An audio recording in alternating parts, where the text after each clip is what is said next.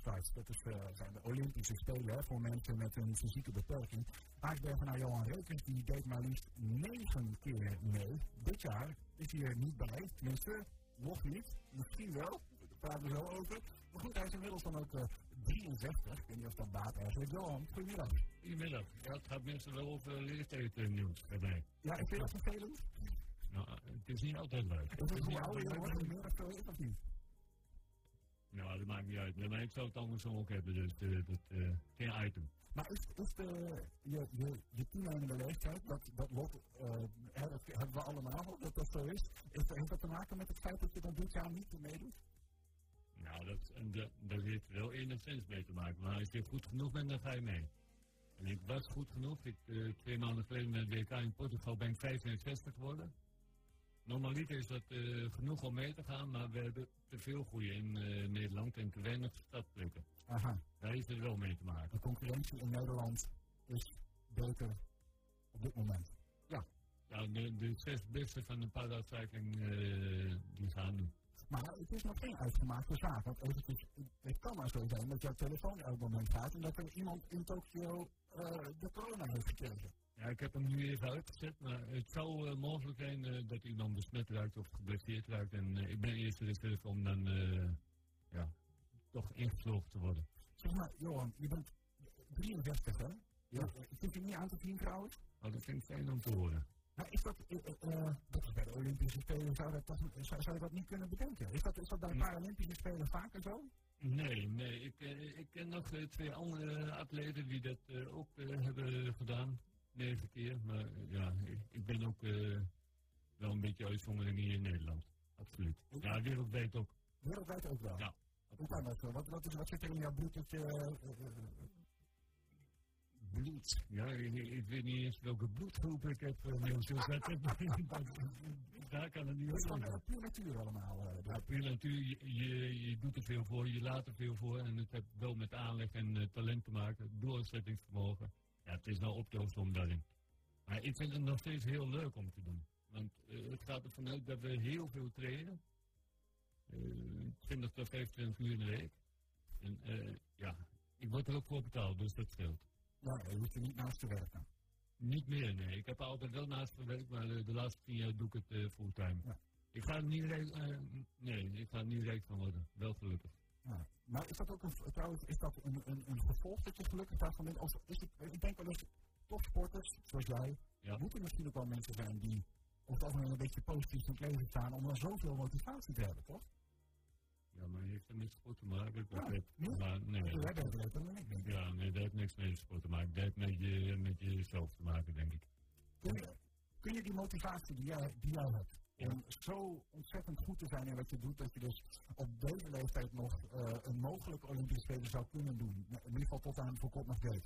Uh, kun je dat leren? Of is dat zeg maar qua motivatie? Of is dat, zit dat ook een beetje in? Ja, maar dat is de definitie van een topsport. Hè? Is het aantal uren wat je traint? Is het het talent wat je hebt? Het heeft al, allemaal met elkaar te maken. Dat, en dat is geen echte definitie van te geven, vind ik. Totaalplaatje. Ja, totaalplaatje. Wat, wat heeft jou, een beetje geluk Wat heeft jou opgeleverd? Hoeveel, heb je Olympische medailles ook gehaald? Ja, ik heb uh, twee gouden, één zilver met uh, fitvoetbal en eentje, uh, één keer brons met uh, handbiken. Wat heeft je twee gouden? Ja, één zilver. Eén zilver en één brons. Ik heb alle kleuren. Ja. Ja. Maar, je, je noemt al even die verschillende disciplines. De, ja. Dat is wel ook weer een bijzonderheid. Je, je, de afgelopen jaren heb je meegaan met handbiken. Daarvoor vijf keer zitvolleybal. Ja. Je begon ooit met discuswerpen. Toch? Je, je, bent goed geïnformeerd, ja. Maar dat was uh, 1956. Toen was er nog geen uh, uh, op het uh, Paralympisch programma. En toen ben ik dat gaan doen. Maar dat ik het heel erg leuk vond? Nee, want je gooit de sfeer weg, je gooit de discus weg, kogelwerpen, kogelstoten. Ja. Iedere keer die dingen zelf ophalen. Ja, dat, uh, ik, ik had altijd meer met de bal. Maar wacht even, hoe ga je discus werpen of kogels stoten als je in een rolstoel zit? Ja, nee, dat heb ik altijd wel. Dat die mensen die draaien altijd een paar rondjes om hun afstand. nee, nee je, je wordt uh, vastgesnoerd uh, op een stoel, zo moet je het zien. En, dan, en hoe dat tegenwoordig zit, ik heb het al zo lang niet meer gezien. En ik moet wel zeggen, zitsvolleybal was echt mijn beste sport. Het uh, handbiken gaat me ook heel goed af. Mm -hmm. Maar zitsvolleybal was wel mijn ding. Waarmee stopt dan? Uh, omdat ik erop uitgekeken was. Uh, na 2000 Sydney, we hadden niet zo'n uh, geweldig team. onderling was de sfeer niet zo goed en bij het clubteam werd er ook niet super meer getraind. Nou, ik was er klaar mee. Ja. En toen ben ik gaan handbiken en toen bleek ik daar ook goed in staan. Ja, want wedstrijdwerpen, speelwerpen, volleybal is nog allebei met je handen. Ik kan me voorstellen dat je handig bent met, met dingen om dingen te werpen. Maar, maar handbiken is dan weer een, een, meer een duursport lijkt me. Ja, uh, maar handbiken of fietsen is ook heel makkelijk aan te leren. Want ik heb ook lange afstand in de rolstoel gereden. Dat, dat vereist dus gewoon precieze techniek. Een hele moeilijke techniek was dat. En handbiken, ja, dat kun je veel makkelijker oppakken. En als je dan ook weer goed gaat, en ja, ik vind het geweldig sport. Even, wat, is de kans dat je nu bijvoorbeeld gebeld wordt? Hoeveel, hoeveel wachten zijn er voor u, om het zo maar te zeggen? Uh, ik ben de eerste wachtende. Dus als er iemand van het Nederlandse handbiketeam uh, ja, uitvalt? We hebben maar drie handbikers, hè, dus okay. uh, van de mannen. Maar ben je wel stiekem s'nachts een beetje aan het prevelen? Nee, nee, nee, nee, nee, nee, nee, maar ik... Dus, uh, oprecht gemeend, ik zou het heel jammer vinden voor de, voor de persoon die dat zou overkomen. Ja, ja. We gaan het even hebben over, over de, de Paralympische Spelen in het algemeen. Je loopt al een hele tijd mee. Ja. Uh, 1976 zei al was jouw eerste keer dat je meedeed. Maar 1980 was een bijzondere editie. Ja, die was in Nederland. Ja, wat weet je er nog van? Dat we daar goud wonnen. Dat we in een uh, volle lijn al voor 5000 mensen live op televisie uh, te volgen waren. Ja, fantastisch. Echt fantastisch. Dat, uh, dat in een hele korte tijd heeft Nederland dat moeten organiseren, omdat Rusland het niet kon op dat moment. Of dat, ja. We hadden wel de Olympische Spelen toen. Ja, Moskou was wel de Olympische Spelen. Maar er was iets van dat, dat ze nog niet zo ver waren met gehandicaptensport. En toen heeft Nederland dat in hele korte tijd opgepakt. En, Moet je daar iets extra's voor doen dan, om, om gehandicapten sport te faciliteren? Nee, maar uh, je moet het allemaal wel uh, openbaar maken. En dat, zo ver waren ze daar nog niet. Want nu gaat er best wel een grote delegatie Russische sporters naar Tokio toe. Ja, ja, ja. Is het meer geaccepteerd nu, zeg maar? Is het... Ja, ja, nou dat is een mooi woord hiervoor. Maar, hoezo, wat, hebben we te accepteren dan? Het is toch gewoon, uh, ja, dus, bedoel... Ja, maar niet alle landen staan open voor, uh, ja, voor, voor, dingen die uh, niet, ja, anders zijn. Die anders zijn. Want, ja, hoe je het ook bekijkt, je kijkt toch naar Genk, wordt anders dan Olympische Spelen, denk ik. Wat, wat is er voor jou eigenlijk anders? Want ik bedoel, we hebben daar een cameraatje staan, die kijkt naar jou, daarvoor je. Uh, maar, maar, goed, als dat ik nog niet. Ja, ja, als we zeggen, ja, welkom. Ja. We, we, kunnen helemaal, we zien helemaal niet dat, dat je een Paralympiër bent wat dat betreft. Nee, wat, wat, wat ontbreekt je?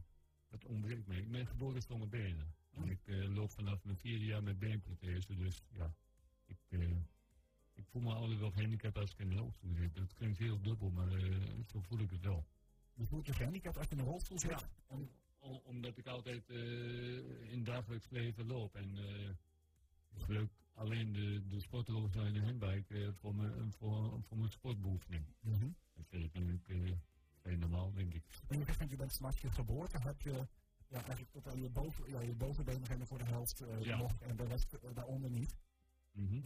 uh, ik bedoel, ik ben, we hadden net voor, het, voor de uitzending even gesprek, toen vroeg je ben je sportief. Toen zei ik, nou, ben, ik doe minder aan sport dan ik zou willen. Uh, maar ik denk heel veel mensen zullen zich herkennen dat ze denken, poeh, die vinden dat soms ook wel lastig. Van, dat sporten, zeg maar, terwijl het toch wel gezond is.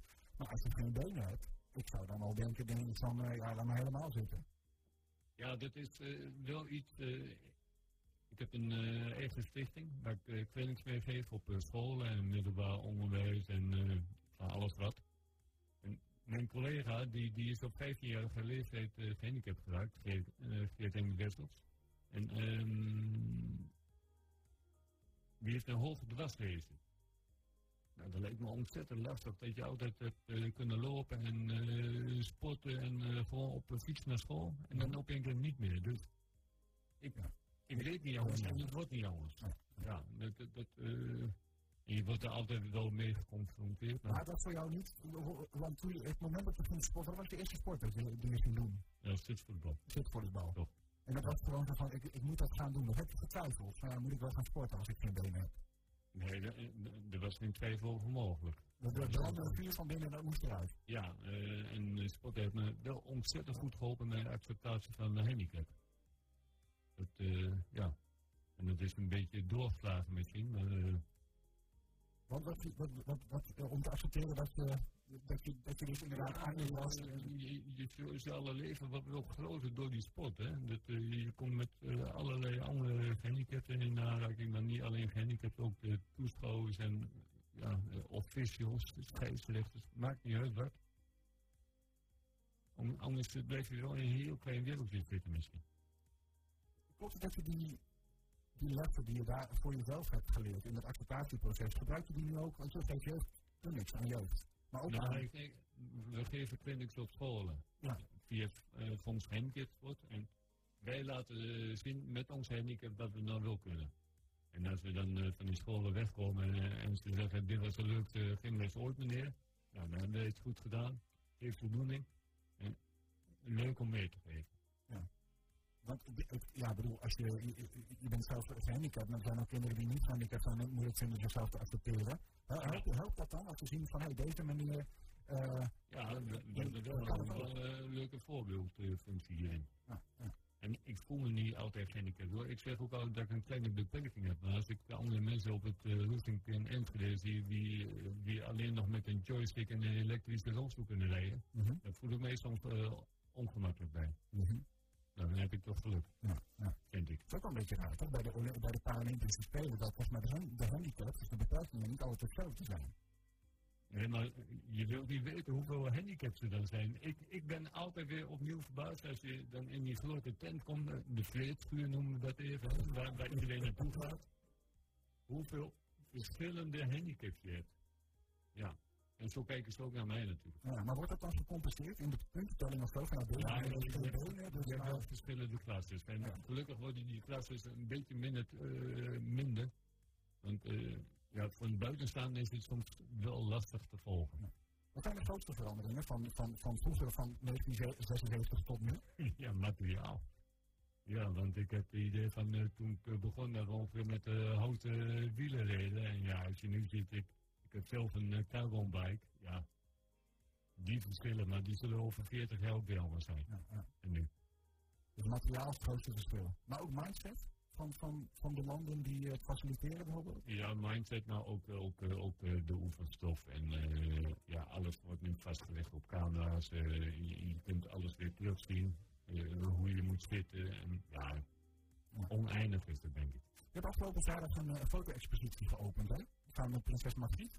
Ja, Over de Olympische Spelen, of de Paralympische Spelen van 1977. ja, de evolutie van de, van de. En daar werd het ook heel mooi in beeld gebracht. En eh, het, het leuke was natuurlijk in 19, eh, 1980 uh, deed zij de opening op Papendal.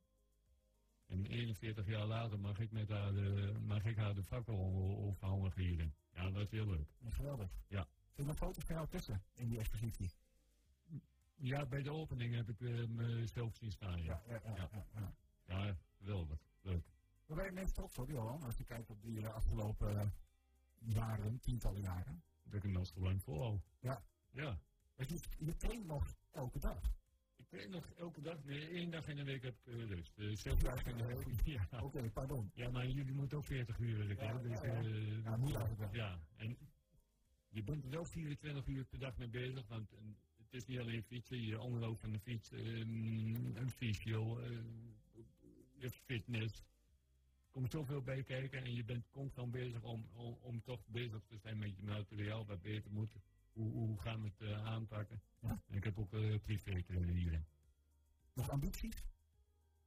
Uh, ja, in die kopgroep blijven. Want als dat niet net gaat lukken, dan, dan moet ik echt stoppen. In de kopgroep en anders niet?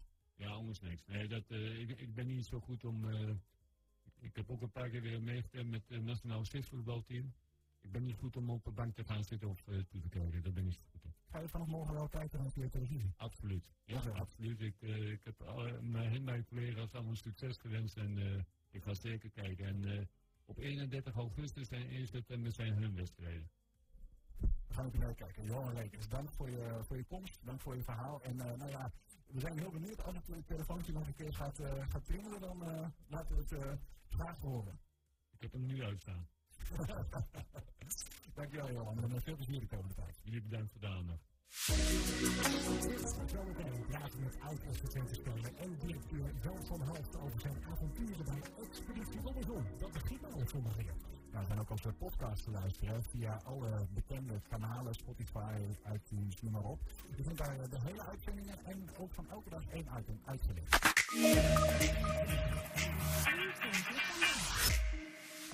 Na vijf jaar valt het doet voor de weggeefwinkel in Holland. Vorig weekend was de winkel voor het laatst open voor het publiek en het pand aan de Schumansstraat. De Schumansstraat wordt verbouwd tot een appartementencomplex. De vrijwilligers moeten op zoek naar een nieuw inkomen als ze een doorgaan willen maken. Zo. De laatste dag die deden, ja klopt, ja. ja. Jammer, heel jammer. Maar ja, maar nog vijf jaar zijn we hier geweest, dus... Uh... En uh, na vijf jaar, hoe voelt het dan nu op zo'n laatste dag te zijn dan? Nerveus. Ja. Ja. Niet, uh, ja, begrijpelijk dat het eigenlijk de laatste dag is. Ja. Raar, ja. Terwijl dat we geen mensen meer kunnen helpen, dat vind ik het ergste. Mensen die het echt nodig hebben. Ik heb het al honderd keer gezegd uh, voor de tv en uh, radio. Nu moeten we hier weg? Ja. Die hebben nog geen kans? Nee. En tot die tijd kunnen jullie geen mensen helpen? Nee, helaas niet, nee. Dat vind ik wel erg. Ja. En er komt zo'n beetje 150 mensen in de week. En uh, wat ik ook al zei tegen de wethouder. Van, ik hoop niet uh, voor jullie, als wij dicht zijn, dat er gestolen wordt. Want mensen die uh, een budget hebben van 40, 50 euro in de week en een paar kinderen. Die kunnen niet geen kleding kopen. Dat wordt, ik hoop niet dat het gebeurt, dat gaat stelen. En hier kun je het gratis ophalen. Dus gewoon de wegwinkel moet gewoon blijven in Engeland. Gerard is nog met plastic bezig. ja, ik snap ook niet dat de gemeente dat niet begrijpt. Begrijp het gewoon niet. Dat iets kan niet. Het is gewoon nodig, want er is één op de dertien kinderen leven in armoede. Dus kijk hoeveel gezinnen dat zijn. Heel veel. En dat we dan niet een pas hebben voor ons om mensen te bieden wat ze nodig hebben. Dus, ja, dat vind ik wel heel jammer. Nou, hoe lang uh, ben je al vrijwillig hier? Ik besloot dat ik drie jaar vrijwillig hier. Drie jaar. Ja. Dat is gewoon jammer, want ze hebben zoveel gedaan, dat heb je zelf allemaal gezien. En dan dat helemaal voor niks. Mm. Iets voor de eerste school. En dat komt wel een beetje in, uh, in een schat te vallen. Het is gewoon de ritme hierin, hè. Dat weet ik ook natuurlijk. Ik denk, nou, dan gaan we dan maar eentje naar de winkel dat die open is. Voor de publiek op de zon. Naar Nederland gaat van gebouw. Ja. Ik kom Nederland meer dan uh, twee jaar. En eerst uh, ik uh, blijven met mijn man en mijn dochter in Hengelo Azekse. En wij kwamen weg winkel. Uh, wij ontmoeten met Karen, Hans en Riet. En eerste dag uh, zijn ze welkom. En dat is heel belangrijk voor onze familie, voor integratie. En nou, ik doe geen werk hier, vrijwilliger. Het is jammer dat je weg is. Ik, ik heb hier een paar jaar lopen, maar uh, ik vond het altijd wel gezellig. Hmm. Met Riek en uh, Karin en uh. Nou, was gezellig hoor. Ja. Al die dom loopt in elkaar natuurlijk, daar hoort er ook bij. Hè? Dan ben je altijd zo serieus werken in elkaar. Maar ik altijd zo elkaar een beetje lief kunnen maken. Hè?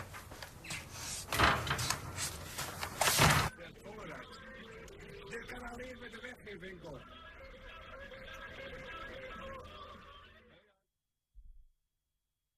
Ja, het einde van een, van een tijdperk wat ik zeggen, maar ik, ik hoop voor ze dat ze een, een nieuw pand vinden.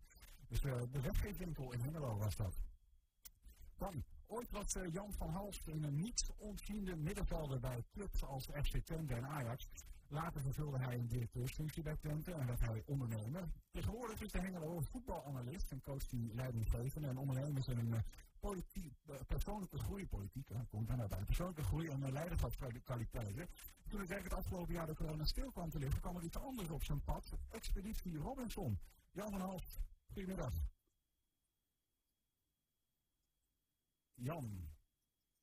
Nee, ik hoor Jan even op dit moment nog niet. Nog niet. We hebben wat uh, technische, kijken. technische uitdagingen. We bellen op dit moment met eh, Jan van Hals. We hoorden onlangs dat hij eh, eh, heeft toegetreden tot het team van mensen dat eh, aan Expeditie Robinson deelneemt dit jaar aankomende zondag. Dan begint het seizoen. Eerder werd ook al bekend dat onder meer onze Grane Brugge eh, Dennis Schouten meedoet dit seizoen. Er is nog een, in Smalle Brugge, die doet ook mee. En eh, nou, aankomende zondag is het om 8 uur en elke donderdag om half negen te zien bij RTL 4, Jan van Hals. Dus we hebben hem ah, hopelijk aan de telefoon. Anders, als dat niet lukt, dan gaan we eh, even kijken of we iets anders gaan doen. Ernesto? Ja, eh, ik kreeg net even de melding dat eh, de telefooncentrale een storing heeft. Oké. Dus dat wordt wat lastig op dit moment bellen. Ja, dat is wel lastig, ja. Nou, houden we die misschien nog te goed? We doen het- zo meteen nog even met. Ja, ik heb begrepen dat Jan om half een andere afspraak heeft. We, dat, we, zien het wel even hoe het loopt. Maar eh excuus bij deze dat we dat moeten missen voor nu. Wellicht nou, in de toekomst nog een keer. Iets anders dan. Margaret Westendorp uit Enschede. Zij schreef een, eh, een boek over haar zoon Joep. De titel Joep heeft een knikker in zijn hoofd. Margaret beschrijft in het boek eh, de zorg om haar zoon en de weg die het gezin aflegde toen hij op negenjarige leeftijd te horen kreeg dat zijn hoofdpijn, misselijkheid en duizeligheid werden veroorzaakt door een hersentumor. Margaret, welkom. Um, fijn dat je er bent. Stoer ook. En ik kan me best voorstellen dat dat... eh, je hebt een boek over geschreven, maar dat het alsnog lastig is om daar zo over te praten in uh, openbaarheid. Ja, ik ben, ik ben, ik ben het niet gewend. Nee. Dus eh, dat is eh, wel even lastig. Ja, maar ja, het, het hoort erbij, hè. Als je een boek schrijft, weet je ook eh, dat je, het hoop je althans, dat je in de belangstelling komt te staan en dat mensen het gaat, gaan lezen. Ja. Zo, zometeen gaan we, gaan we met elkaar praten over, ehm, over hoe dat is gegaan, het, het, het verloop. Ehm, maar misschien eerst ook even om het, ik ben wel benieuwd, waar- waarom heb je dit boek eh, geschreven? Wat is de reden? Heb je een specifieke reden voor gehad dat je dacht dat dit moet komen? Vorig jaar heb ik het geschreven en het kwam eigenlijk heel spontaan op. Ehm, ik had niet echt, ja, natuurlijk is zijn ziekteproces is een aanleiding. En, maar het kwam eigenlijk spontaan op. Ehm, ik had het ook heel snel geschreven. In een paar maanden tijd heb ik het eh, op papier gezet. En ehm, ik vond het heel fijn om te doen. Want ja, weet je, het, ehm, naast dat het echt een eerbetoon is aan Joep, is het natuurlijk ook eh, een stukje rouwarbeid, noem ik het zelf. Want ja, het woord rouwverwerking heb ik nogal een hekel ik vind het veel mooier om te zeggen van, ja, probeer je verlies te verweten in je leven. En eh, je moet heel hard werken, nog, tot op de dag van vandaag. Het wordt wel elke dag iets beter. Maar eh, het schrijven van dit boek heeft, heeft daar ook een steentje aan, eh, aan bijgedragen. Om het toch een plek te geven in mijn leven. Het is ook belangrijk dat het, dat het tastbaar wordt nu, dat je een boek hebt waarin echt die dingen niet verloren gaan, dat je je herinneringen vast hebt Het gelegd. is inderdaad een soort monumentje voor, voor Joep. Hoe heb je dat eigenlijk dan, want je zei het vrij snel geschreven, had je dan eh, eh, een dagboek uh, of had je je eigen herinneringen nog zo levendig waren, hoe heb je dat gedaan? De herinneringen, weet je, die, als je zoiets ingrijpends meemaakt als dit, dan zijn die herinneringen die blijven vers op een of andere manier. Je kan elk moment dat, dat proces wat we door zijn gegaan, elk moment kan zo weer terughalen. Dat, dat blijft. Het is zo intens geweest en zo heftig. Ja, dat, eh, dat vergeet je nooit meer. Weet je ook nog veel van het leven voordat het uh, misging, om het zo maar te zeggen, voordat, voordat het neusel was? En misschien, wanneer, werd hij geboren? Hij werd in 1992 geboren. En ja, op het moment dat wij bloedkinderen hadden, weet ik nog dat ik altijd dacht van uh, hoe wij het getroffen hadden, hoe fijn we het samen hadden. Dat ons leven zo voortkabbelde, zeg maar. Um, ik zei ook altijd, we hebben drie gezonde kinderen. Wat wil je nog meer? Dat is het allerbelangrijkste. Dat was gewoon genoeg. Ja, dat was genoeg. Wat voor jongen was u in die tijd? Een heel vrolijk mannetje. Altijd heel vrolijk. Heel veel humor. Hij wilde altijd iedereen aan het lachen maken. Altijd, ja, echt een blij, eh, een blij kind. Ja, fijn. Is dat gebleven? Ja, zijn humor heeft hij, eh, heeft hij tot aan het eind toe bewaard. En dat is zo knap in de omstandigheden waar, waar hij in zat door zijn ziekte. Zo knap om zo sterk te blijven en overeind en het niemand tot last willen zijn. En altijd maar grapjes te blijven maken, ondanks de ellende. En dan heel, ehm, heel cynisch hoor, heel... maar ik vind het Ja, het soms heel zwart, eigen humor? Ja, heel zwarte humor. Je een voorbeeld? Nou, hij had echt op het allerlaatst. Ja, dat vind ik wel heel lastig om te vertellen. Hoeft niet hoor. Als je dat te persoonlijk vindt, dan, Eh, eh, ja, dat vind ik persoonlijk. dan, dan moet je dat niet doen. Maar wel, ja, gewoon zijn, zijn kracht, hoe hij. Dat, hè, die, die zwaarte van de ziekte, als je dat zo weet om te vormen, maar ja, dat, dat toch luchtig houden voor iedereen. En, en dus leesbaar houden voor iedereen. Nou, ik zie het knap. Echt respect voor, ja. Als teruggaan naar zijn, zijn kindertijd, dan denk ik dus die vrolijke jongen, Ja. die, die jongen met humor, die waarschijnlijk wel eens een sabbetje hier en daar uithaalt ook. Uh, Ja. Een sabbetje, een feitje. Oh, Uh, kan kwaad, zoals jongetjes dat kunnen doen op die Ja, leeftijd. nou, hij was, hij was een, eh, een, lief, een lieve jongen. Een lieve jongen. Dus, ja, dus hij was niet van ja, de sport drijven met iemand. Of, Nee. nee, daar, eh, daar was hij veel te lief voor. Dan, dan is er uh, op een bepaald moment, um, dan ontstaan er rare, um, nou ja, blijkbaar achteraf symptomen, maar er gaan, er gaan, er gaan dingen mis. Wat, wat gebeurt er? Hij uh, in april 2002 werd hij, uh, hij ziek, elke dag overgeven. Elke dag, en dat, kon, en dat was altijd s'morgens. Alleen konden we daar niet de vinger op leggen waarom dat nu gebeurde. Op welk moment. Dus werd er inderdaad door de, de juf en de meester een, uh, een schrift bijgehouden om te kijken, nou, in de klas op welk moment gebeurt het eigenlijk? Heeft het iets te maken met lesstof, waar hij moeite mee heeft, of wat dan ook. Dus dat probeerden ze uit te vissen.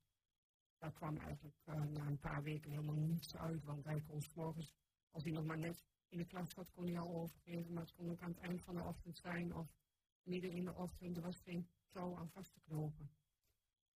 En ja, dat was het begin van de zoektocht. Toen werd er op school verteld dat hij gepest werd. Dan ga je met, die, met dat verhaal ga je naar de huisarts. En uh, die kwam vervolgens met, nou maar ja, dan moeten we daar naar kijken. En dan, dan ga je met hem naar de kinderpsycholoog. En dan gaan we kijken wat er gebeurd is. En of hij dat kan verwerken, dat trauma kan verwerken. En of hij een training kan krijgen om, uh, om sterker te worden. Ja. Dat hij minder uh, verpest gaat worden. Nou, dat hebben we gedaan. En uh, dat leek goed te gaan. En eerst een tijd hielp dat een beetje. Dat hielp. Hij kreeg een sta sterk training en dat hielp hem. Het, uh, spiegel werd minder. En dan hou je daaraan vast. Dan denk je, oké, okay, hebben het gevonden. Dus, nou ja, die training was voorbij en uh, dat liep tegen de zomer. En zijn ogen waren ook niet altijd best, dus ook daar, maar dat was tussendoor nog even. Even naar de opticien, laten meten, oké, okay, toch een bril.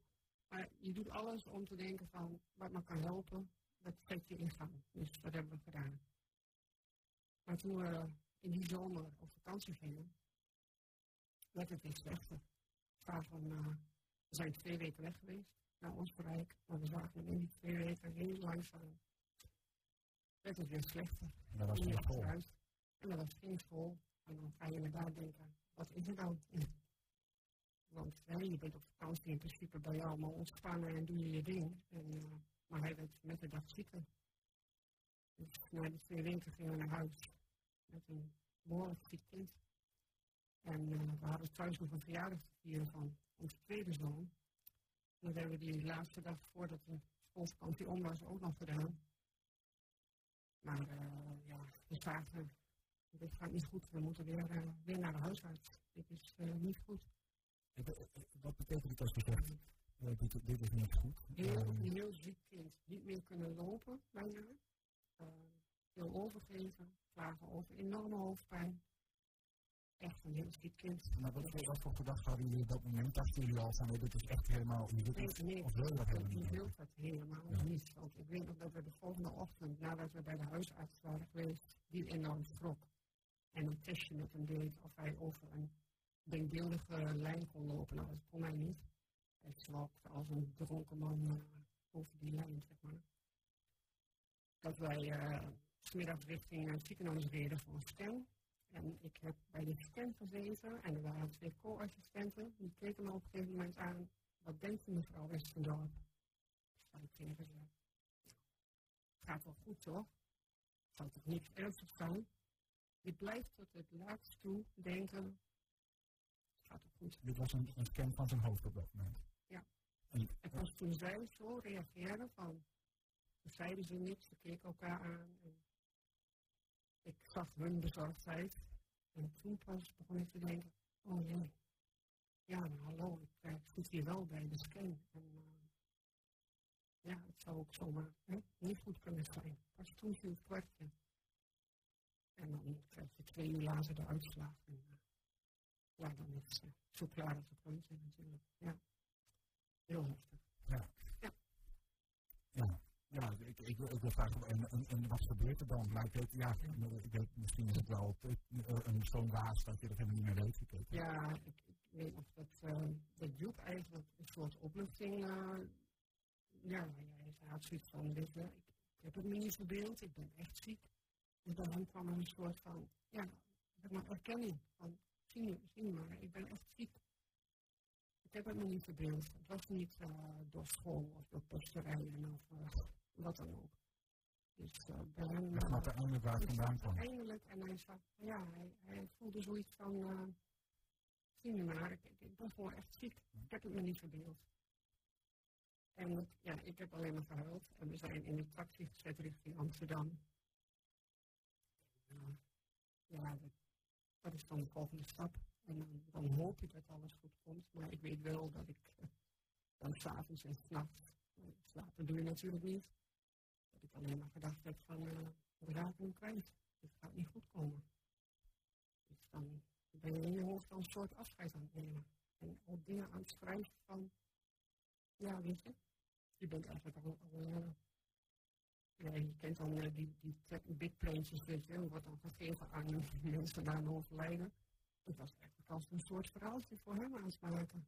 Ja, dan ben je al bezig met van, als het straks voorbij is, dan kan ik ook dit over hem zeggen. Ja, en zo ver gaat dat. Dat je dan opeens helemaal doorschiet in dat soort gedachten. Ging de rest van, van jullie gezin uh, da daarin mee? Met, zeg maar, met, met, met, want ik kan me voorstellen dat jullie allemaal op, op zo'n eigen manier um, tot je neemt en ermee omgaat en dat het zo lastig is. Ja, nou ja, de andere twee kinderen waren natuurlijk nog heel jong. Joep was negen toen het gebeurde en onze andere zoon was uh, net acht geworden. En uh, de jongste, de dochter, was uh, bijna vier. Hm. Gewoon, ja, zijn ook met name te jong om het allemaal te bevatten wat er gebeurde. We hadden wel meteen op pad geregeld thuis natuurlijk, want mijn man kwam ook achter ons aan, zeg maar, naar Amsterdam. En toen we maar één keer de volgende dag de artsen hadden gesproken en weer hoop kregen, ja, dan ga je gedachten worden ook alweer rustiger en dan krijg je ook alweer hoop. Dus uh, dat veranderde wel veel. Ze hebben ons toen wel gerust kunnen stellen, zeg maar, dat, dat er iets aan te doen was in ieder geval. Ja. En toen even ergens in dat traject is ook die zinsnede gesproken die uiteindelijk de titel van het boek is geworden, denk ik. Die dat helemaal aan het begin in Enschede nog. Op het heeft de kinderarts, nee de kinderoncoloog moet ik zeggen, die heeft daar uh, dat, dat uitgesproken inderdaad. Ook weer, om, om het naar YouTube uh, begrijpelijk te maken, heeft hij gezegd van, uh, je hebt een, zeg maar een soort knikker in je hoofd. En die moet eruit. En dat, dus, hij, nou, dat begreep hij tot op zekere hoogte en hij begreep er iets en daardoor heb ik al die symptomen. Ja. Kon je het ook op een bepaalde manier een plek geven? Het is een hele rare vraag, want hoe geef je zoiets een plek, maar hoe ging hij daar zelf uh, verder mee om? Ja, hij, hij werd er uh, in eerste instantie, ja, hij, hij was sowieso geen praten, dus een stille, stille jongen, zeg maar, die echt voor zichzelf dingen aan, het verwerken was en op zijn gedachten op de rij aan het zetten was. Dus, en ook later, hij begreep het allemaal wel heel goed. Maar hij was geen prater en hij wilde er ook liever niet over praten. Hij, eh, hij wilde juist genieten van dat wat hij nog wel kon. Ja. En, eh, ja, ook dat is uh, altijd zijn kracht geweest. Dat hij leuke dingen is blijven doen, dat wat hij wel kon. Hij was een gamer, dus daar kon hij zich helemaal in, in vinden, zeg maar. Dus dat is goed voor hem geweest. In 2004 lijkt het ook wat beter te gaan. Of het ja, dan, dan, een stabiele situatie. Dan stabiliseert alles en ja, dan heeft hij wel restverschijnselen en dan moet hij ook even goed nog jaarlijks op controle. Maar dan is alles rustiger en dan ja, kan hij weer een redelijk normaal uh, leven oppakken, zeg maar. Tot zijn school uh, afmaken. En, is er een moment geweest dat uh, doktoren zeiden, we kunnen hier even niks vinden? Of is er, is, er, is er altijd iets aanwezig? Nou, de tumor die hij had, die zat tegen de hersenstam aan. En dat houdt gewoon in dat er altijd een randje blijft zitten. En dat is wel behandeld door uh, bestralingen, zes weken lang, en door uh, meer dan een jaar chemo. Probeert dat zo goed mogelijk weg te krijgen. Maar meer dan dat zit er ook niet in. Dus, en je weet eigenlijk dat je altijd met een uh, soort tijdbom uh, blijft rondlopen. Dus ook na vijf jaar hadden wij met z'n allen niet het gevoel van ja, wordt dan vaak gezegd van als iemand schoon en je hebt evenveel kans als ieder ander om het nog te krijgen. Maar dat was in dit geval niet, uh, dat was ook niet de verwachting. Wij, mijn man en ik wilden daar niet aan. Tenminste, wij, die, dat geloofden we gewoon niet. Nooit gezegd hoor, want dat, dat wil je niet uitspreken. Je wilt met elkaar de schouders onder en door. Mm -hmm. Positief blijven. Maar ergens in ons achterhoofd heeft altijd gespeeld hoe is dat? Een, een leven met zo'n zo tijdbom op de achtergrond. Voor, voor, ook voor hem. Want ga, dan ga je nog gewoon je dingen doen. Ga je nog ja, een leven opstarten zoals dat iedereen dat doet. Ja, we hebben er wel voor gekozen om gewoon door te gaan. En uh, hij heeft ook gekozen om echt uh, een opleiding te gaan volgen die hij leuk vindt. En ja, we hebben gewoon echt zoveel mogelijk uh, genoten samen. Ieder jaar lekker op vakantie en echt gewoon genieten de behandeling zorgde er wel voor dat hij niet altijd alles kon doen uh, wat hij wilde doen. Hè? Want hij, hij, hij liep bij hoesting ook. Maar de behandeling zorgde er ook voor dat hij een groeistoornis kreeg. Ja. Um, hij was nooit heel groot geworden, ja. heel, heel, heel lang. Klopt. Uh, en dat is toch uiteindelijk. Dat was vooral bij de danslessen uh, een, een, ja, een vervelend fenomeen. Ja, ja, dat was, ja, dat was een grote jongen. Maar ja, hij, hij grapte ook dat weer weg. Dan zei hij van, nou dan zoek ik toch een klein vrouwtje. Hij lost het altijd wel weer op, uh, op zijn manier dan. Ja. Natuurlijk kom je dan dingen tegen die, uh, die niet zo leuk zijn. Maar dan, ja, dan zei hij gewoon van, oké, okay, dan als iets niet lukt, dan stop ik ermee, probeer ik iets anders. Dus, ja, gewoon doorgaan. Is hij in die tijd jullie wel eens op sleeptouw mee moeten nemen? Is dat, ging dat een beetje, hield je elkaar, hield je elkaar omhoog? Soms, hoe bedoel je dat? Nou, soms zien we dat mensen die ziek zijn, uh, zelf hun omgeving nog meer moeten meekrijgen van, hey, we gaan ervoor met z'n allen, dan, dan als omstander ben je nog machtelozer. Het gaat niet over jou, het gaat over je kind. Dat, dat zie je dus. Ja, ik denk met name door zijn humor en door zijn, uh, ja, toch dat, dat moedigen van, ik, ik, wil, ik ga gewoon door met mijn leven en ik, uh, ik ga mijn school doen die ik graag wil doen. En nooit klagen. En daarin was hij wel echt een voorbeeld ook voor ons. Om, uh, om dat ook op te pakken maar, en zo door te gaan staan. Ja. Ja. ja. Dan, dan, dan is het uiteindelijk uh, een sprong in de tijd, uh, 2016. Um, en is het dan ineens dat die man met de hamer weer terugkomt? Nee, het jaar daarvoor, in 2015, heeft hij ook al een extra scan gehad. Het niet in het boekje beschreven, maar toen, ja, hij zich ook even niet goed. Dus zijn we toch weer naar Amsterdam gegaan om een scan te laten maken. Daar kwam niks uit. Die was goed. Dus dan denk je, nou ja, weet je, je kan ook voor een keer een beetje grieperig zijn of wat het ook is geweest. Dan hou je daar maar aan vast. En hoofdpijn speelde eigenlijk al die tijd wel bij hem. Dat bleef een gevoelig iets. Daar was hij heel vatbaar voor, zeg maar. Er hoefde maar iets te zijn of hij hoofdpijn. Dus de pijnstillers lagen er altijd uh, klaar, zeg maar. Dus uh, ja, en als de scan dan goed is, dan denk je, nou ja, hè, door, door maar weer. Ja. Dat, uh, wat moet je dan? tot dan weer in april eh, 2016. En dat het weer uh, foute boel, tenminste, dat ik erop lijkt dat het weer niet goed gaat. Dat hij aan het groeien is. Of, Ja, dat hij eh, terugkomt van een avond in de bioscoop. Met zijn, hij ging regelmatig met zijn vrienden naar de bioscoop. Kwam hij die avond terug en was het echt van, nou, het ging niet zo goed, want ik zag weer dubbel en met veel hoofdpijn. Ja, dan weet je al van dit, uh, wil ik niet. Moeten weer, uh, weer naar de huisarts. Dus uh, ja, en toen, toen werden we weer doorgestuurd natuurlijk weer naar Amsterdam.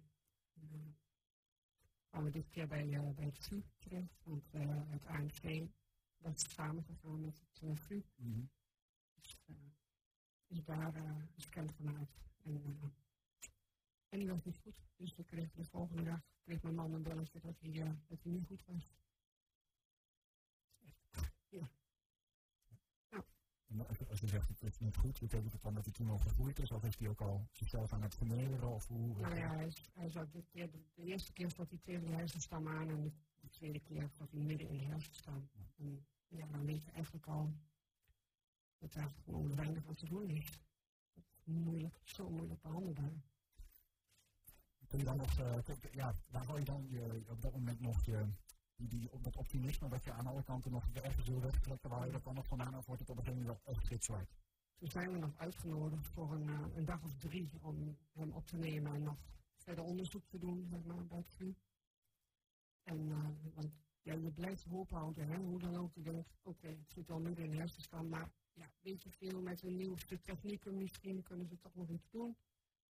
Dus toen hielden we daar weer aan vast en uh, hij allerlei onderzoeken gehad. En toen kwam de arts uiteindelijk met, uh, met het verhaal, we kunnen iets doen, maar dat betekent een hele risicovolle ingreep met een, zeg maar, een naald die als het ware het vocht uit de tumor zuigt. En A, weten we dan niet hoe je, of je eruit komt, hoe je eruit komt. En uh, ja, en toen zagen we Joep al denken van, hmm. En met, de zeker, nee, en met de zekerheid dat hij met een jaar, mm, ja, min, een jaar zou maximaal zijn, dat hij daar weer terug was. Hij wilde niet met die malle molen in. Hij wilde dat niet. Hij zegt, ik heb één keer aan een zijde draadje gehangen en uh, ik hoef dat niet meer, ik wil dat niet meer. Ik zei de arts ook van, ja, je kan er ook voor kiezen om gewoon lekker naar huis te gaan en zoveel mogelijk nog te genieten van alles wat je graag doet. En uh, nou, daar, daar koos hij toen heel bewust voor. En dan moet je als ouder heel erg slikken, maar aan de andere kant zijn keuze is zo begrijpelijk. Wat voor een periode breekt het dan aan? Als je gewoon letterlijk weet van ja, dit, dit, maanden misschien. Wat, ja, toen hebben we echt uh, met elkaar besproken, wat zou je nog graag willen doen? We hebben ook tegen hem gezegd van, uh, noem het maar hoor, wil je naar uh, New York of weet ik veel, wat je nog wilt beleven, zeg het maar dan gaan we dat, uh, gaan we dat organiseren, hoe dan ook. Maar hij was helemaal niet een jongen die van grote wensen had. Hij wilde gewoon naar zijn, uh, het blad Power Unlimited bijvoorbeeld, wat waar hij op geabonneerd was, daar wilde hij graag een keer naar de redactie om, om te kijken hoe gaat het er daar aan toe. En hij wilde naar uh, Guerilla in Amsterdam die, uh, die games uh, maken. En voor de tweede keer, want daar was hij ook in 2003 al een keer geweest. Na de eerste keer weer ziek zijn. En allemaal dat soort dingen. Alles allemaal in Nederland en binnen handbereik. Dus uh, dat was super. En hij wilde graag kijken bij uh, die mensen van Dutch VR bijvoorbeeld. Die maakten die VR-brillen. Om dat eens een keer te beleven. Hoe, hoe werkt dat als je daar dan een game mee gaat spelen. Want ja, dat, gamen was een ding. Gamen was een ding, dus dat interesseerde me heel erg. Dus zijn al die dingen langs gegaan. En allemaal uh, ja, heel veel lekker, lekker eten, lekker uit eten. Hij hield heel erg van sushi en pizza en nou ja, die dingen. Vond het gewoon heel eenvoudig. En, maar die bedrijven die ik net noemde, ja, je hoeft maar een mailtje te sturen en de deur gaat open. Dus de mensen hebben ook wat, wat dat betreft gewoon heel erg meegewerkt uh, daarin. En daar zijn we heel erg dankbaar voor, want dat is gewoon super ja. hoe dat dan gaat. Ja tegelijkertijd weet je daar ook bezoek wat je levert aan zo'n bedrijf van ja, om welke reden dat is. Dat zit in je achterhoofd ja, ongetwijfeld. Ja. Um, uh, ja. Maar je schiet er mogen genieten. En daar doe je het voor. Dat, is, dat, dat ja. elk moment, uh, elk moment koester je dan. Ja. Wat, wat is het moment geweest dat jullie afscheid hebben moeten nemen van Joep? Ja, dat was eh, op eh, 10 september. Dat is dus binnenkort eh, vijf jaar geleden. En eh, ja, hij is ook eh, daarin heel, is hij heel ehm, ontzettend lief geweest naar ons toe. Want hij heeft gewoon in principe zijn draaiboek gemaakt voor het afscheid. Hij wist heel goed wat hij wilde, wat hij niet wilde. En we hebben dat heel goed samen kunnen voorbereiden, zeg maar. En daardoor heeft hij het ons zo enorm gemak, gemakkelijk gemaakt. Het is gewoon, eh, ja, ook weer heel bijzonder. Hè? Ik bedoel, heel veel mensen zeggen als het om afscheid gaat, hm, regelen, regelen jullie het maar, want eh we willen het er liever niet over hebben. Maar ja, bij hem kon het gelukkig wel. Hij heeft kunnen aangeven wat zijn wensen waren en eh, ja, zo hebben we het ook gedaan. Dus het is gewoon bijzonder. Mooi. Dat het, eh, ja, hoe- ja, ja, mooi. Dat is zo dubbel. Ja, maar het is ook wel mooi. Ja. Op een, op een hè, tussen aanhalingstekens mooi. Ehm, ja, da- dan, dan, dan komt het de ongetwijfeld de kater, zeg maar, daarna. Ja, de- ja, dat is inmiddels vijf jaar. Ja. Maar eh, is, het, is, ja, is, het, is het veranderd, het verdriet van, vanaf toen Ja, ja, ja, ja. Weet je, die- het eerste jaar heb ik nooit gezegd, zat ik in de stoel en bleef ik in de stoel zitten. Ik eh, was niet vooruit te duwen. Dan eh, zit je zo in een, eh, in een roes. Je leeft in een roes. Alles gaat aan je voorbij. Kijk, de wereld draait al door, maar, maar jij staat stil.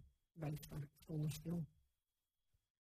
Dus, Ja, dat doet je? Wat- doet het met je als mens als je het gevoel hebt? Want dat is dat, is dat gevoel hè, van de, de wereld draait door. Maar waarom eigenlijk? Waarom stopt niet iedereen met fietsen? Waarom stopt niet iedereen met autorijden? Waarom gaat alles gewoon door alsof er niks gebeurd is? Ja, Wat- wat- ja. ja. Ja, Ga dat is, dat, heel, dat is heel hard om te zien van de andere kant. Daarom ook wel zo realistisch. Je weet gewoon hoe dat gaat. Zo, zo gaat dat. Ja. En misschien ook maar goed dat wereld door, doordraait, want ook dat trekt je op een gegeven moment weer, weer overeind. En eh, ja, je moet wel. Hè? Dus, eh, Op een gegeven moment de draad weer oppakken. ja, je moet de draad weer oppakken. En eh, ik weet wel dat ik het tweede jaar dat ik heel blij was met, met onze honden. En ik moest gewoon letterlijk de deur uit, zeg maar, weer naar buiten. En, en langzamerhand weer ja, gewoon het normale leven oppakken. Het schrijven van een boek, een knikker in zijn hoofd, eh, heeft ook geholpen. Dat zei je aan het begin van het gesprek. Ehm, therapeutisch geweest enigszins om het, het een plek te geven. Ja. Ehm, wa- wat heb je eigenlijk, want ik neem aan dat, dat andere mensen al eh, kennis hebben genomen van, van het verhaal. Maar, wat, wat voor reacties krijg je van, van mensen? Of ik heb misschien lotgenoten die eenzelfde soort iets niet, wat, wat, wat, wat zeggen mensen daarover? Ja, ik heb nou, van lotgenoten nog niet eh, veel reacties binnen. Maar ja, ik hoop wel. Het, ja, het is ook nog niet helemaal zo bekend, denk ik, het boekje. Het Mhm. moet, er moet nog wel een beetje op gang komen. Want ik hoop inderdaad dat eh, via ziekenhuizen of, of verenigingen of stichtingen. dat er iets meer eh, naamsbekendheid nog eh, aangegeven wordt. En, ja, en ik hoop ook dat, dat mensen er een stukje steun uithalen. Mensen die dit ook overkomt, kinderen, gezinnen ja, dat zou toch aan de hand van dit boekje ja, een stukje steun kunnen vinden. Op welke manier, zien, ik ben niet de Eh, enige. ik ben niet de enige, maar ook, eh, ja, ik heb ook geprobeerd om eh, toch naar ouders toe en, en andere mensen om toch wat tips te geven nog, zeg maar, uh, aansluitend. Ik heb een, achter in het boekje staat een stukje over mijn beleving als moeder.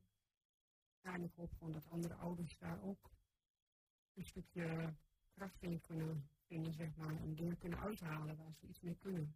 Gewoon praktische tips, als het ware. Dankjewel voor je komst, uh, Margaret. En uh, Ja. voor het boek dat je hebt uh, gemaakt. Uh, en ik hoop ook dat, dat dit gesprek voor jou iets bijdroeg om het nog weer te verwerken. Maar ook voor mensen die dit, die dit luisteren. Ik vind het ontzettend stoer um, dat je het zo, zo deelt. Um, en daarmee uh, hopelijk dat we elkaar als mensen een beetje kunnen aanmoedigen in het leven als het even moeilijk wordt. Zo is dat. Dat ja. hoop ik ook. En uh, ik hoop dat het boekje goed gaat verkopen. Want net zoals ik al zei, de, de royalties gaan naar Kika, naar de stichting Kinderen Kankervrij. Dus Waar is het boekje te koop? de boekjes te koop uh, via Boekscout. via de, de boekhandel en, uh, en bol.com. Kan je hem ook vinden. Graag gedaan. Joep heeft een knikker in zijn hoofd voor het hele boek. Ja. Margaret Westendoop, dank voor je komst. Graag gedaan. Je. Is lastig om vanaf nu weer de praten te pakken, maar we hebben ook andere dingen nog klaarstaan voor je. Um, ook de oude actie van uh, Ursula Den Haag, gaat de komende maanden op de schop. Straks hoor je daar alles over.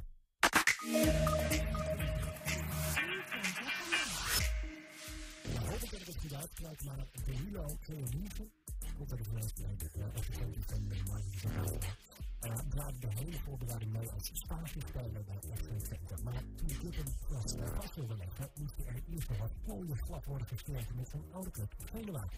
Week kwamen de partijen tot elkaar en sinds woensdag is de aanval dan eindelijk echt van Center. De hele voorbereiding dook je hier al op en op een gegeven moment was duidelijk, Twente wil je eigenlijk wel vastleggen. Klopt. En toen uh, werd het toch een beetje een moeilijk hoofdstuk. Ja, was ook onduidelijk voor mij. In eerste instantie was ik transfervrij, dan weer niet. En uh, uiteindelijk ben ik gewoon hier. Ik ben hartstikke blij om nu officieel speler van Twente te zijn. Hoe ben je daarmee omgegaan? Want ja, het brengt natuurlijk wat onzekerheid met zich mee. Nee, ik kon wel vrij rustig blijven, denk ik. Ja, even terug aan het begin. Ik zei al, ineens dook jij op uh, in de voorbereiding als stagespeler. Hoe is dat eigenlijk zo tot stand gekomen? Uh, ik kreeg door van mijn sportmanager, begeleider, dat ik mee mocht trainen met Twente. En uh, ik moest mezelf bewijzen, dat is wel aardig gelukt. Dan is het wel zo, je hoort ook dat spelers gewoon ergens echt meetrainen alleen om uh, nou ja, een beetje op niveau te blijven, fit te blijven. En niet altijd meteen met achterliggende gedachten, hé, hey, misschien wil ik daar wel tekenen. Hoe was dat voor jou? Hoe was dat in dit geval, zeg maar? Ik vind Twente zeker een mooie club. En uh, ja, ik moest voor mezelf bewijzen. Ja, ik bedoel eigenlijk, um, had je toen ook al in je achterhoofd van, nou ja, ik ga eerst meer trainen voor mezelf ook om, om fit te blijven? Nee, of, dat of, ook nee. al in je achterhoofd? Ja, ja, dat wisten ja. we allebei al. Oké. Okay. Ja, je moest een positieve indruk achterlaten. Oké, okay, want er was ook interesse van andere clubs? Las ja. echt Stuttgart, Sporting Portugal. Ja, ja, kan ook kloppen. Ja. Ja, wat, hoe groot was die interesse? Heel groot. Ik heb meegetraind bij Stuttgart. Ze waren positief. Dus ja. Maar ik ben hier dus, ja. Ja, eh, wat was voor jou dan de reden om daar niet verder te gaan? Of lag dat aan, aan hun? Hoe zat dat? Nee, ik was gewoon een nieuwe uitdaging. En ik denk dat dit uh, sportief de juiste stap voor mij is. Waarom? Veel minuten maken kan ik hier, ja. Ja, ja want jij bent echt op jonge leeftijd uh, uh, naar Italië vertrokken. Dan heb je altijd mensen, een beetje dus, ja, die toch wat sceptisch zijn en zullen zeggen, oh ja, op zo'n jonge leeftijd dat gaan, is dat wel goed voor je. Maar wat was voor jou op dat moment de reden om dat te doen? Um, ja, ik wilde ook een nieuwe uitdaging doen naar het buitenland. En het heeft me volwassen gemaakt, mentaal sterker. Juiste stap, ik heb mijn debuut mogen maken. Dus ja, wel de toptijd. Ja, mentaal sterker zeg je al. Ja, Wat leer je dan als je hè, als jonge jongen dan al naar het buitenland gaat? Ik was 16 jaar toen ik daar naartoe ging. En ik was alleen. In het hotel met andere teamgenoten. Daar nog mezelf gewoond. Dus ja, moet je voor jezelf koken, van ja. alles zelf doen kleren wassen. dus, ja. Snel volwassen worden ja, dat ben ik nu wel, kan ik zeggen. Um, had jij, nou in hoeverre waren jouw verwachtingen anders dan hoe het daar gegaan is? Want het is best wel een grote gok. Je gaat naar de Serie A, een grote club, je bent nog jong. Dan weet je niet hoe het uit gaat pakken, lijkt mij. Ja. Maar wat uh, verwacht je dan? En, en dat is afgezet tegen wat het is geworden. Ik had eerlijk, eerlijk gezegd niet verwacht dat ik mijn debuut zo snel zou maken. Ja. Want ik kwam daar, ik had moeite, ik versta niemand. Je zit aan tafel, je lacht gewoon. Het is best wel lastig. Maar uh, ik mocht meetrainen met het eerste. Ik heb het goed gedaan. Toen zei de trainer zit bij de selectie. En zo is het gegaan. En nu, het punt dat je daar dus wegging, waarom is dat? Uh, ik had het gevoel van dat ik daar niet zoveel minuten kan maken. Ze hadden meer van ervaren spelers. En uh, ja, ik wil minuten maken, ik ben nog jong. Ik wil spelen. We hadden het net even over, hè? bijvoorbeeld Stuttgart en dat het nu Twente is geworden. Je zei al, ja, een minuutje maken. Uh, ja, dat, dat, dat, daarmee zeg je dus eigenlijk dat jij verwacht hier meer kans op speeltijd te krijgen dan daar. Ja, de club heeft wel vertrouwen in me. Dat hebben ze ook uitgesproken naar mij. Ja. Dus ja, ik denk wel dat het goed komt. De volgende vraag die ik ga stellen is, ja, eigenlijk, terwijl ik hem stel, is zo'n open deur. Maar hoe belangrijk is het dat jij hier de hele voorbereiding eigenlijk mee hebt gedraaid? Goed, want om eerlijk te zijn, conditioneel was ik wel fit, maar wedstrijdfit dat was er niet echt. En ik heb hier wedstrijden gespeeld hoog niveau meegetraind. Dus ja, dat is wel goed voor mij. Ja, ik weet nog die allereerste wedstrijd in Enschede, we kregen de opstelling. Jouw naam Ja, stond daarop, klopt. iedereen was benieuwd. Nou, eens kijken wat die jongen kan. En toen ging het toch niet door. Toen Ja. werd hij geblesseerd eh, vlak eh, voor de aftrap. Of net voor de aftrap werd toch de keus gemaakt. Geen risico's nemen. Ja, Dat is dus toch goed uitgepakt. eh. Ja. Dat je niet een blessure hebt opgelopen. Nee, het was goed. Trainers ook tegen mij van we gaan jou niet erin zetten, jou niet laten beginnen. Was beter geweest. Niet tegen PEC. Eerste oefenwedstrijd gescoord. Goede indruk achtergelaten. Daardoor Danilo Triomite, de nieuwste aanvaller van FC Twente. We doen nu nog één keer. Danilo Triomite. Top. Ja, dat zullen we zo met de Maribo dat het uitspreken. En dan eh, horen hopen dat een hele avond nog doen.